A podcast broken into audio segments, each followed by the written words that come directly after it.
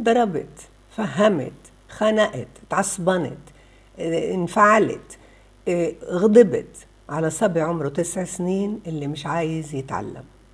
بقعد بحكي معاه مش عايز يسمع ولا بسمع نصيحة ولا تربية ولا أي حاجة مفيدة ولا جابت أي أسلوب من أساليب نتيجة مش عارفة شو أعمل. ملاحظة آه، من الرسالة تبعتها إذا ملاحظة بحكي مع الأم اللي بعتت لي رسالة.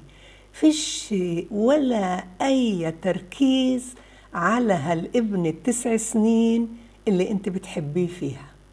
كله أنت انفعال أنت غضب أنت عصبية. وليه؟ من أجل التعليم من أجل المذاكرة. أنت بدك تعرفي ابن التسع سنين حياته مش بس هي عنصر المذاكرة الأساسي في كتير إشياء كمان هو بحب يعملها. أنا بعرف إنك أنت بدك إياه يكون بالمدرسة يرفع لك راسك. أنا بعرف إنه يكون عند حسن ظنك.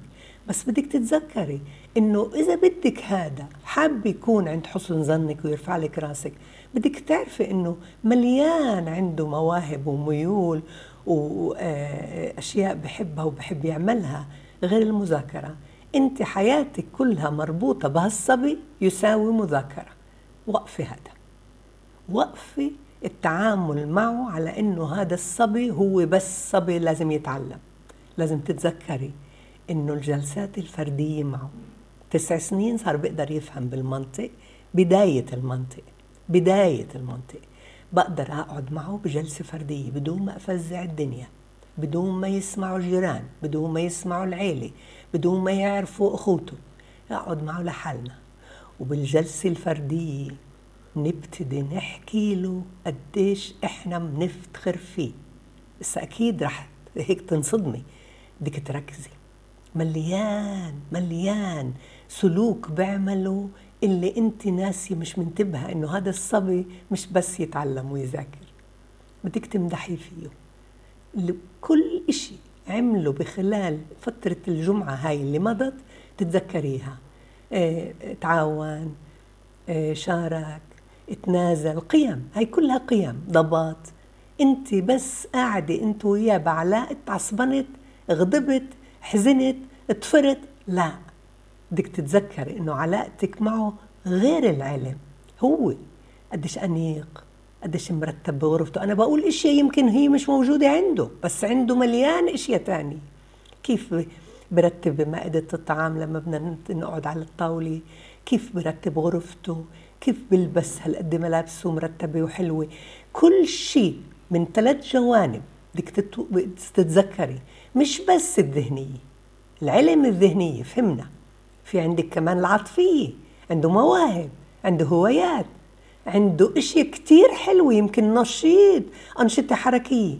بعدين عنده كمان غير الهوايات والمواهب اللي قلنا جسماني عاطفي ذهني. الآن بعد ما تمدحيه بكل آه، السلوكيات اللي كان يقوم فيها اليوم وامبارح وأول امبارح وعادة. بدك تيجي ساعتها اسا وتقولي له ماما بدي أنا تساعدني. كيف ممكن إنه هاي النقطة هي هاي النقطة مش هي أهم إشي بالحياة؟ بس كيف ممكن أنا وياك نتفق على إنك تقوم بواجباتك بالدروس والمذاكرة؟ بعرف أنا يمكن أنت بتحبش هذا الأستاذ يمكن بتحبش المعلمة يمكن بتحبش هذا الفصل بالموضوع. مليان أشياء الأطفال بالتلاميذ الطلاب في فترة بنفروا في فترة بحبوا.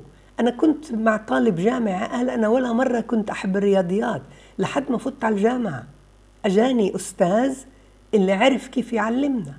يعني بدك تعرفي كمان إنه هو مش بس ألو... السبب في كتير عناصر تانية. عنصر المادة نفسها إذا بحبهاش الأستاذ إذا بعرف شي يعلم الظروف اللي أنا بكون فيها.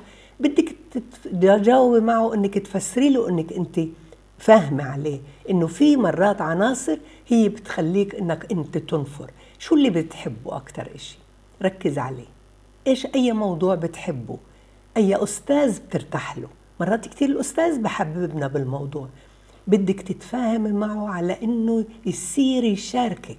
كل ما شاركك أكثر تقول له المهم عملت واجبك.